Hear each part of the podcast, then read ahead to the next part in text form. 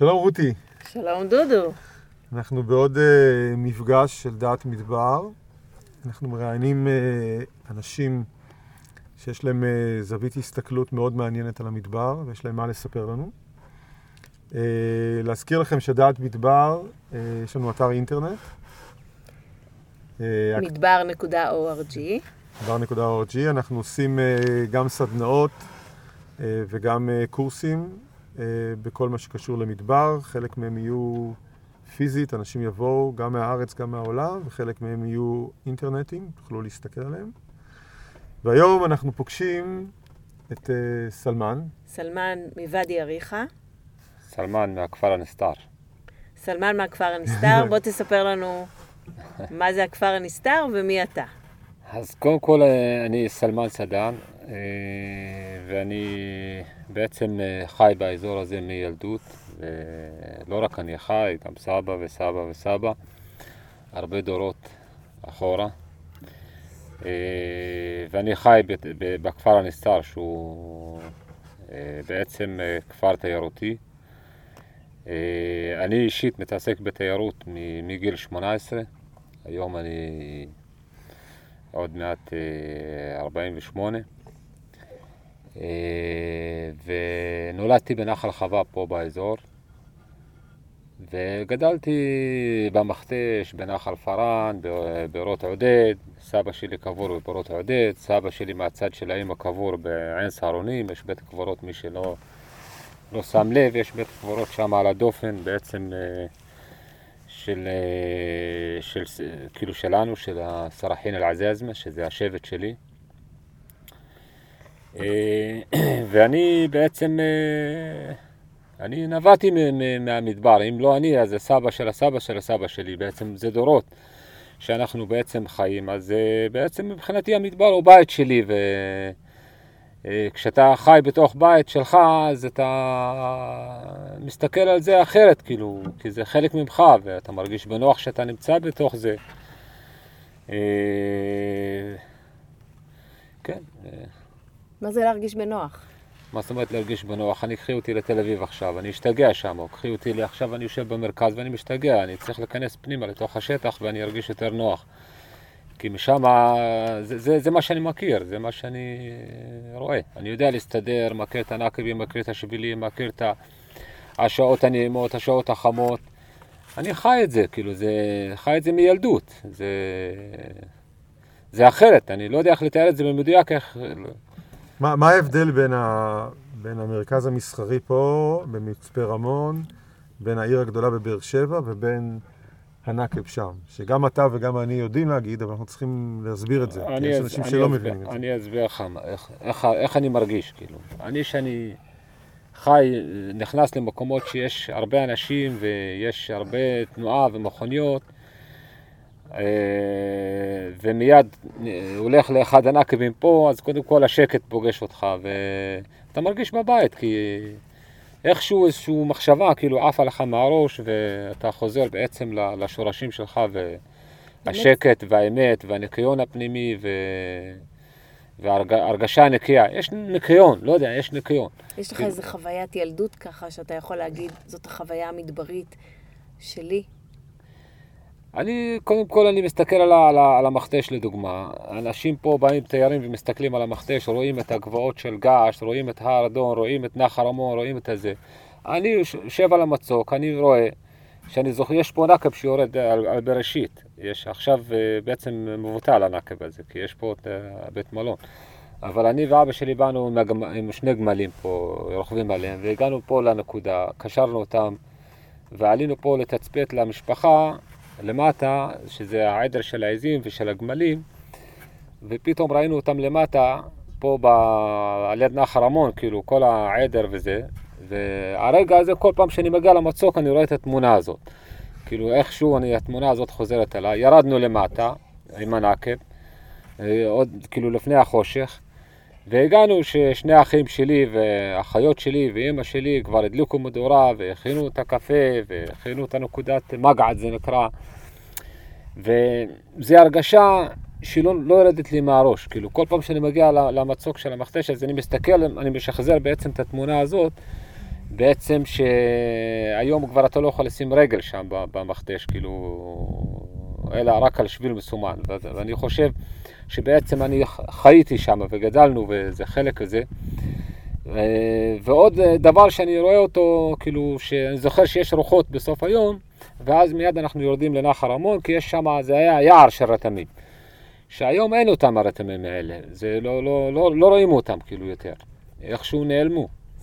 זה, זה לא שיש שם עדר כבר 30-40 שנה, כאילו 30 שנה כבר אין שם עדרים שיאכלו את הרתמים, אבל אין רתמים. שהיה שם את העדר של הגמלים ושל העזים, כל, כל המכתש הזה היה הרתמים שאנחנו היינו יורדים הגנה מהרוח לתוך הרתמים האלה, שהם כבר היום לא קיימים. אני יכול גם להסביר למה הם לא קיימים. למה? כי בדרך כלל הרותם זה, בוא נגיד, העץ או השיח, זה, זה בין שיח לעץ, כאילו זה לא בדיוק uh, שיח. Uh, זה בעצם, הוא, הוא השיח היחידי שהוא נלחם על, על עצמו כדי שלא יכחד. הוא נלחם, מרגע שמתייבש גזע, אז אם שמתם לב, ובטח שמתם לב שמתוך הגזע היבש פתאום יוצא uh, ירוק. הוא מפעיל את כל הכוח שלו על, ה, על, ה, על, ה, על החלק המתייבש, הוא מנסה להחיות אותו, ואז באיזשהו שלב הוא מתעייף. מתעייף, והעץ כאילו נהיה שטוח כזה, ובסוף מת. עכשיו, מה עשו הרועים הבדואים? כאילו, מרגע שראו איזשהו גזע שהולך להתייבש, מיד מורידים אותו כדי שלא יהרוג את הרוטם. אז אה, בגלל זה הרתמים הם יותר חיים. אפשר לראות את זה היום באזור יותר למטה, כאילו יותר למעלה, הרתמים הם יותר חיים. יותר צפונה. יותר צפונה מפה, שמסתובבים בעצם רואים. אמנם העדר היום השתנה, זה כבש במקום עז, שהעז היא כמו, כמו היעלים, שהיא כבר לא קיימת יותר בנגד, מסיבה פוליטית. אה, אז היו מורידים את הרותם, מורידים את הגזע היבש, אז הרותם מתחזק. ואז זה, זה התוצאה שכל הנחל רמון היה בעצם רתמים, שהיום אני רוצה שיראו לי כמה רתמים. אתה אומר בעצם שהראייה, לא רק הראייה, אלא גם הרועים, הרועים היו עצמם... בעצם היו בסוג של uh, קשר, סימביוזה, כן, עם זה, המקום. זה, אני אגיד לך. והיה קשר ביניהם לבין האדמה, ש, שנתן לשני הצדדים הם, את הם ה... ידעו איך להתנהג עם השטח, לשמור עליו. עכשיו, היום, מבחינת תפיסת אנשים, בגלל שאנשים גדלו בתוך עיר וגדלו עם כל האמצעים שיש היום, אז הם לא מבינים שזה היה עולם אחר קודם, שהיה עולם אחר לגמרי. שלא היה רכבים, לא היה חשמל, לא היה סופרמרקט, לא, כולה 70 שנה, לא היה פה כלום, לא היה פה שום דבר, כאילו, רק נקבים היה. אז אנשים היו קלים. ככל שיש לך מעט דברים, אתה נחשב לעשיר במדבר. אתה לא יכול להרוס את המדבר, אתה חי איתו. אתה גם החזקנו שני סוגים של בעלי חיים שיש להם השפעה חיובית על השטח. אנחנו לא נחזיק כבש, שהכבש בעצם, הוא יש לו השפעה שלילית על השטח, או פרה שיש לה השפעה שלילית, היא לא תתקיים פה בכלל. אז החזקנו סוג מסוים של בעלי חיים שיש לו השפעה חיובית על השטח, שזה העז השחורה שנכחדה, כבר לא קיימת בכלל, הן קטנות, אה, שהראייה שלהן בעצם, אה, נכון שהן בשלב שיש צמחייה, אז הם קצת מורידים את הצמחייה, אבל ההפך, הם מעלים את, את, את הכמות של הזרעים בשטח. כי מה, מה קורה? עדר של 200 או 100 ראש של עיזים שהוא מתלבש על הגבעה הזאת, בוא נגיד, אז הוא מוריד הרבה גללים. מה זה עושה בעצם? זה, זה בעצם מדשן את השטח ומוריד זה. אז האביב של אז, מי שאני ראיתי את האביב של אז, ואני אני לא, אני לא אומר כלום, אני שותק. אנשים רואים, אה, פריחה, יפה, הם לא מבינים מה זה פריחה. הם פשוט לא מבינים מה זה פריחה. הפריחה היום היא בתוך הנחלים, מעט מאוד על הגבוהות. הפריחה שלפני 30 שנה הייתה גם על הגבוהות וגם בתוך הנחלים. יותר נכון, 35-40 שנה. הכל, הכל מכוסה. ואף אחד לא שאל למה באמת היה יותר השביע על, הצמחי, על, על, על הגבעות, ו, ורק בתוך הנחלים יש צמחייה, קצת על המדרונים. בהפוכה, אתה אומר. כן. אם היו עזים, הייתה יותר צמחייה. היה, היה לא יותר. היה המון, המון סוגים של, של עשב שנכחדו מהשטח. עכשיו אני רואה את זה, ואני אני חייתי את זה בילדות שלי, זה לא סתם הלכתי יחף, אני מכיר את זה טוב מאוד. כאילו, אני, אני יכול, יש לי, הייתה לי חוויה בחיים שאני לא אשכח אותה לעולם. שלמדתי במצפה בבית ספר, בשנת 83. וזו הייתה שנה טובה מאוד, הרבה גשם ירד בשטח. בוא נגיד, זו התקופה שהתחילו להוריד ממש את העדרים מפה, נשארו עוד קצת, ולנו היה העדר האחרון. 161 ראש, אפילו אני זוכר את המספר המדויק, 161 ראש של עזים, ואימא שלי ואחותי היו בנחל אה, ניצנה, איפה שהכביש חוצה את נחל ניצנה למעלה, בור חמד, אבל בערוצים למטה. ואני, לא היה בית ספר, לא זוכר מה היה, היה חג או לא יודע מה, בקיצור, אה, לקחתי את התיק על הגב עם קצת מים וזה, והלכתי ברגל עד לנחל ניצנה. עכשיו, יצאתי מוקדם, ומה קורה בתקופת האביב? בתקופת האביב יוצאים בשעות המוקדמות לראייה וחוזרים לחלוב את העזים. כאילו בוא נגיד בשעה כזאת, שעה עשר, תשע וחצי, כבר חזרה כל העזים בעצם בנקודת לינה. ואז חולבים ועושים אה, בעצם ארוחה, כאילו ארוחת בוקר טובה כזאת. עכשיו אני ירדתי מההר למעלה, ואני, הכל עשב, הכל היה מלא עשב. ואני מגיע, אימא שלי ואחותי כבר חלבו את העזים והן עושות פיתות. ומה עושים? לוקחים את היוגורט של העזים ומפזרים את הפיתות בתוך מגש ושמים יוגורט של עזים ומערבים ביחד, הפיתות חמות. ומוסיפים לזה חמאת עזים, בעצם החמאת עזים מוסיפים לה הרבה עשב מהשטח. והכינו את זה ואני אוכל ואני מרגיש את זה בגוף, כאילו את, ה... את האוכל הזה, שזה כל כך בריא, כל כך בריא שזה, אה, והכל עשב, את לא מאמינה, כאילו, ועדר גדול, אבל הכל הגבעות זה עשב. אז מה שקורה, לכל סוג של בעל חיים מסוים, שהוא שייך לאזור מסוים, יש לו בעצם תפקיד. התפקיד שלו הוא לעשות עבודה בשטח. זה עושה איזון. נכון שבשלב שהכל מתייבש, אז הוא אוכל את הקש, את הזה, הופ, נגמר העז. לא נכון, אבל הוא הוריד כל כך הרבה זרעים חדשים, שזה עולה חזרה שוב בתקופת האביב. אה, הכל עולה, הכל מתחדש. והיום אין התחדשות. אתה אומר שאנחנו בעצם סטרילים מדי עם המדבר. כן. אנחנו הופכים את המדבר לסטרילי. אנחנו בדרך לא... שבה אנחנו מתנהלים. בדיוק, לא מבינים. לא מבינים את זה בכלל, איך להתנהג עם השטח. עכשיו, אנחנו נכון, אני, אני חושב שהנקודה הכי, הכי שמסתכלים עליה אנשים זה תקופות מסוימות. שבוא נגיד את תקופת הקש, שהעשב מתייבש, נהיה קש. איכשהו העשב הזה עף. כאילו מה זה, אבל בעלי חיים אוכלים אותו, ואז פתאום אתה רואה את השטח קצת נקי, אבל זה לא נכון, הוא לא יתנקה, הוא יתרבה. שוב הגשם יורד, הכל עולה ברמה כפול מהרמה הקודמת. היום הוא לא עולה, הוא כל הזמן יורד ברמה של, ה, של ה, כאילו כמות העשבייה והסוג שלה. היום חסר כל כך, כאילו אחד הרבה סוגים של, אני לא יודע אם מישהו חקר את זה בכלל או מישהו חקר את זה אז, לא יכולים לחקור את זה כי לא חקרו את המצב הקודם. או שמישהו הביא צילום של אביו בתקופות קודמות, או משהו כזה, אף אחד לא בדק את זה, כאילו. אבל הרבה סוגים של, של אה, עשב, פשוט הם לא יותר קיימים, אני זוכר את זה. הזפרה, זפרה, סוג של, של זה, כל ההרים, זה, זה עשב שהוא הכי בולט. היום אני לא רואה אותו בכלל. אני לא יודע איך להגיד את זה בעברית. יש לו זפרה, זה נקרא אצלנו. היום היא לא קיימת, היא נכחדה פשוט. הסוג הזה של העשבייה הוא נכחד. עכשיו, אני רואה את זה, כי אני מאז שאני נולדתי על האדמה, על האדמה הזו, אז אני רואה את הדבר, גדלתי עם זה. אז אני כבר, זה ספוג לי במוח, ספוג לי בראש, ספוג לי בלב, ספוג, ספוג לי ברגשות, ספוג לי בכל הגוף. אז אני רואה אותם מיד, כי אני חי את זה ואני קולט אותם מיד. אני הולך עשרים צעדים, כבר אני רואה מה חסר. כי אני כבר ראיתי את זה מש... בזמן שאני הייתי ילד, ראיתי את הדברים האלה. עוד, עוד בעיה שיש לנו בשטח היא בעיית השיטה. היום מדברים על השיטה נכחדה, נכחדה, נכחדה, נכחדה. עכשיו אני יודע למה נכחדה. אני גדלתי בנחל פרה, הר כרכום, כל האזורים האלה. ידעתי בכל, מכיר את השטח כמו כף יד. ועד היום הריח של אלבלה, אלבלה, הפרי של השיטה, עד היום אני מריח אותו באף. למה אכלתי את זה? כי יש בזה דבש לפעמים בפנים. יש בזה קצת מתוק. אז זה, זה הממתק שלי. אז אני, הממתק שלי, שהייתי הולך מתחת לכל שיטה, שיטה, משיטה לשיטה, משיטה לשיטה, אני כבר יודע בדיוק את השיטות, איפה, נמצ... איפה נמצאת כל שיטה, כי זה חלק מהם נהיה מתוק, יש בו ממש דבש בפנים. והייתי מחפש אותם כל הזמן. אז זה, זה העץ היחיד שהוא תפוס לי בראש יותר חזק מכל צמחייה אחרת. למה הוא נתן לי ממתק? נתן לי את הממתק. עכשיו היינו הולכים, יורדים לנחל פארן, נותנים לעדר מים שם ב... ב... אה, ביארתה בן עודה זה נקרא, זה על אנחנו נקראים על עודה, החמולה, זה שלנו, ביארתה בן עודה, זה הבורות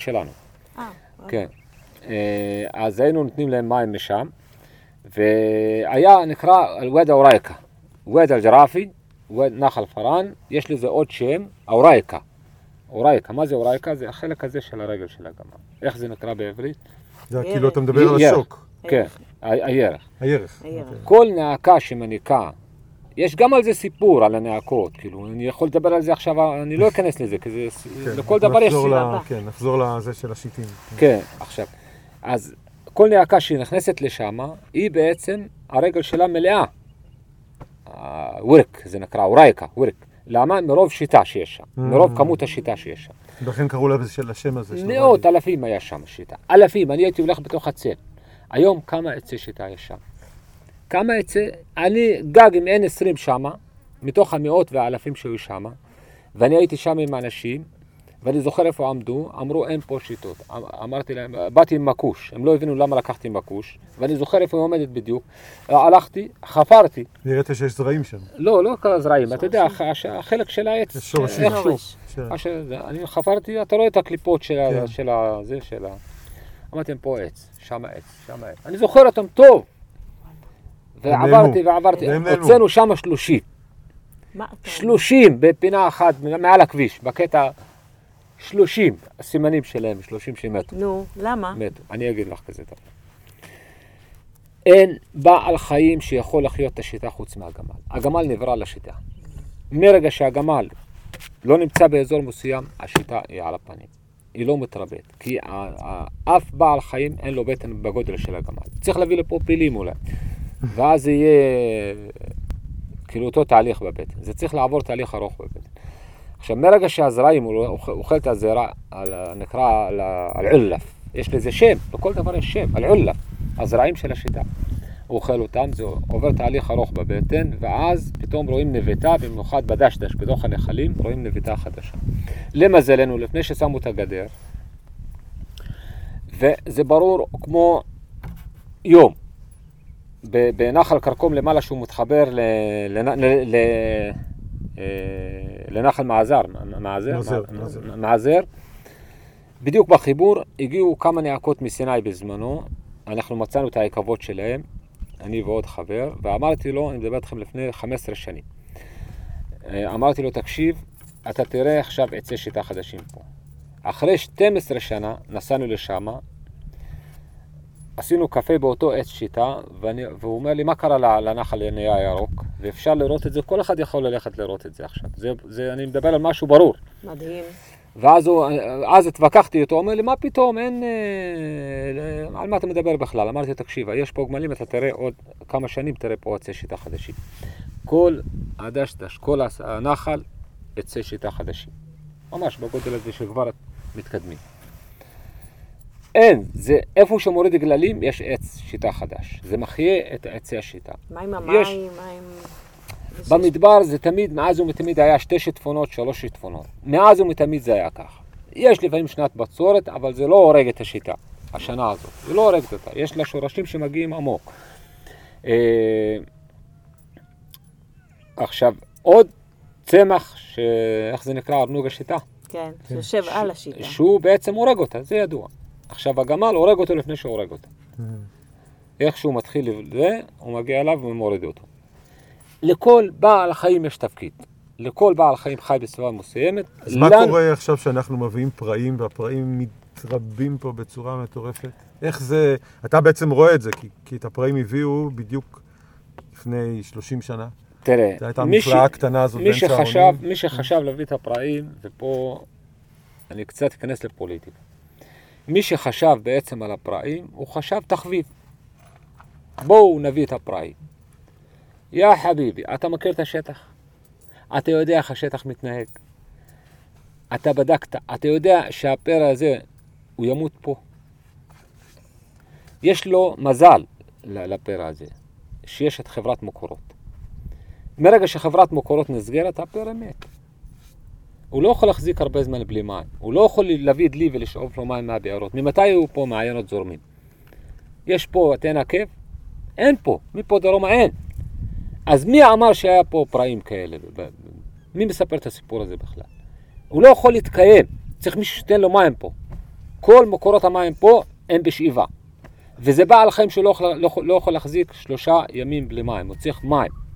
הוא שותה יום יום מים כמעט, כמו הכבש, כמו החמורים שלנו, שאנחנו אז היינו לוקחים להם מים איתנו. אני יודע, אנחנו גידלנו חמורים, אז אנחנו צריכים לקחת להם מים על הגב שלהם בשביל היום שאנחנו, כי העדר מחזיק שלושה ארבעה ימים בלי מים, אין לו בעיה העז, יותר אפילו. אז היינו לוקחים מים לחמורים, לתת להם כל יום קצת מים כדי שלא יתייבשו. ברור. אז מה עושים עם בעל חיים כזה שהוא מהמשפחה של החמורים, מרגע שאין לו שוקת על הכביש. עכשיו, גם השוקת, לדעתי זה טעות לשים שוקת על הכביש, כי השוקת זה, זה שואב אותם על הכביש ואז תאונות יש. אגב, בוא נדבר רגע עכשיו, על הגמלים, אה, מה קורה עם זה? עכשיו, תכף נגיע. עכשיו, הפראים, אה, אה, הם אוהבים סוג מסוים של צמחייה, בוא נגיד. הם אוכלים את העשב שהוא מתייבש, הם לא אוכלים את כל העשב שהוא ירוק. אני לא יודע להגיד אותם בעברית, את השמות, שאני יודע בדיוק איזה צמח הם אוכלים. הם לא אוכלים, אה, הם, אבל כשהכול מתייבש אז הם אוכלים, אין להם בעיה, אבל הם נעולים על, על כמה סוגים של, אה, של, אה, של צמחים גדולים קצת, שזה הלענה, ועוד כמה, שאני לא יודע להגיד את השמות שלהם בעברית, הלענה זה נחשב למעדן בשביל הפר, וגם בשביל החמורים שלנו. עכשיו, לפעמים התופעה שלה, של הלענה היא לפעמים מתייבשת, אבל לנו בראש חושבים שהיא מתייבשת, היא לא מתייבשת. השורשים שלה נשארים ירוקים, נשמרים עד הגשם הבא. עכשיו, מה קורה שהפרא אה, רוצה לאכול? הוא יודע שהשורשים שלה ירוקים, אז הוא חופר מוציא את השורש. ומוציא את השורש. דוגמה, אפשר ללכת לעלת בורות לוץ ולספור כמה בורות יש שם. יש בורות, רואים את הבורות מפה עד להודעה חדשה. אף- שהפרא פשוט חפר. חפר הבורות האלה. אני לא ראיתי עד היום, אף אחד לא בדק מה זה הבורות האלה. וזה מעניין אותי. אבל כי זה זה נקרא. זה נקרא אזור, אזור זה נקרא נגע שיח. מה זה נגע שיח? מישור הלענה. זה האזור הכי עשיר והיום בלענה. כבר... היום רק לאורך הכביש יש לענה. מה, אם אנחנו מדברים רגע על ההנאה שהיא באמת בבעיה עכשיו, כן. מה אנחנו מפסידים? מה, מה אצלכם בלענה? זה קודם כל, אנחנו משתמשים בהם בתרופות. ודבר שני, חשוב לי בשטח שלא, שלא יכחדו דברים שקשורים למדבר, כי זה מבחינתי זה הבית שלי ואני חלק ממנו. אני לא גדלתי בתל אביב, אני לא גדלתי בניו יורק, אני, לא, אני גדלתי פה, והסבא של הסבא של הסבא של הסבא עד, עד אלפי שנים, שהוא גדל פה. אני לא שונה מפה, אני חלק מהאבן הזאת. אני חלק מהאדמה הזאת, אני חלק מפה, זה מה שאני מכיר. אני לא מכיר דברים אחרים. אז חשוב לי כל דבר, מה שקשור למקום שלי, לא לערבב אותו בכל מיני שטויות אחרים שמקלקלים פה את העניינים, להשאיר את המקום כמו שהוא. אתה אומר שהפראים תפסו קצת את המקום של, של הפראי והטבעי, כן, והגמלים, לעומת זה שהם כן שייכים למקום, הגמלים עד שנות קיבלו ה-90 גבול. לא היו תאונות פה. ואף אחד לא שאל למה. זה מה שמעניין אותי, אנשים לא מכירים לא את השטח, לא התנהגות של השטח, לא שום דבר. כל מיני החלטות על האוויר. יאללה בוא נעשה ככה, יאללה בוא נעשה. אי אפשר להגיד ככה, צריך לבדוק את, הש... את השורש למעלה, מה, מה הבעיה, כדי לפתור את הבעיה. לא פותרים את הבעיה מלמעלה והכל רקוב מלמטה. אי אפשר. אם רוצים לפתור בעיה, צריך לבדוק את השורשים. את השורש של הבעיה. אז מה השורש של הבעיה? עד שנות ה-90 לא היה תאונות על כביש 40. לא היה תאונות על הכבישים פה. למה? מישהו שאל את השאלה למה? למה זה, זה קסם? זה לא קסם. כי הגמלים שתו מהמקורות הטבעיים שלהם, מברות עודד, מעודד סמאווי, עוד יותר רחוק. יש להם מקורות מים בשטח. מרגע שסגרו את המקורות מים האלה ולא אפשרו לגמלים לשתות מהמקורות מים האלה, איפה הגמלים יעשו? מה יעשו הגמלים? מה יעשו הרועים שאסור לו לעמוד על יד הגמל כי הוא יחטוף קנס? אז הרועה בורח מהגמל, זה בורח מהגמל, זה הגמל הולך לשוקת של הפראים, שגם כן זה טמטום לפתוח מים לאורך, כביש, לאורך כבישים. מה זה, איזה מין, איזה מין הגיון זה? מה אתה רוצה להרוג בני אדם? אתה רוצח אם אתה פותח מים על יד הכביש. כי זה שואב את כל הבעלי חיים, אם זה צבועים, אם זה זאבים, אם זה גמלים, אם זה פראים, זה שואב את הכל על הכביש. אז איפה החוכמה? לפתוח שוקת 100 מטר מהכביש. אתה הופך את כל הבעלי חיים על הכביש, אין שילוט, אין שום דבר, אין כלום. לדוגמה, הכביש הר חריף. כלום, כל הבעלי חיים על הכביש. פה כל הזמן נכנסים, שקט, שקט. אם זה גמל, אז עושים רעש גדול. אם זה פרא, אם זה, לא עושים כלום. אז השטח, יש לו טכניקה, יש לו דרך. יש בין חפיר, יש מקומות רחוקים, אין לגמל מה לעשות על הכביש, אין לו, מה, מה יעשה על הכביש? הגמל, מה שמביא אותו לכביש, מתי שהוא צמא, הוא צריך להגיע לכביש, אין לו מה לעשות. אם יש מקור מים בלב השטח, במקום הרעייה שלהם, המקורות הטבעיים שלהם יפתחו אותם, לא צריך מים ממקורות, יש להם מקורות שלהם, כל בור מים תלכו, תחפרו על יד, תראו את הזבל של הגמלים האלה שגדלו שם. ויותר עצים, ויותר צמחייה, ויותר הכל. תודה רבה. טוב, אז אה, סלמן תודה. אני חושב שנתת לנו זווית הסתכלות מאוד מעניינת. אה, להזכיר לכם, כל ההקלטות שלנו, כל הפודקאסטים, נמצאים גם באתר מדבר.org. אה, ואנחנו נתראה ברעיון הבא. תודה, רותי. תודה, דודו. תודה רבה, סלמן. בבקשה. מרתק ממך. המסר הזה יעבור הלאה.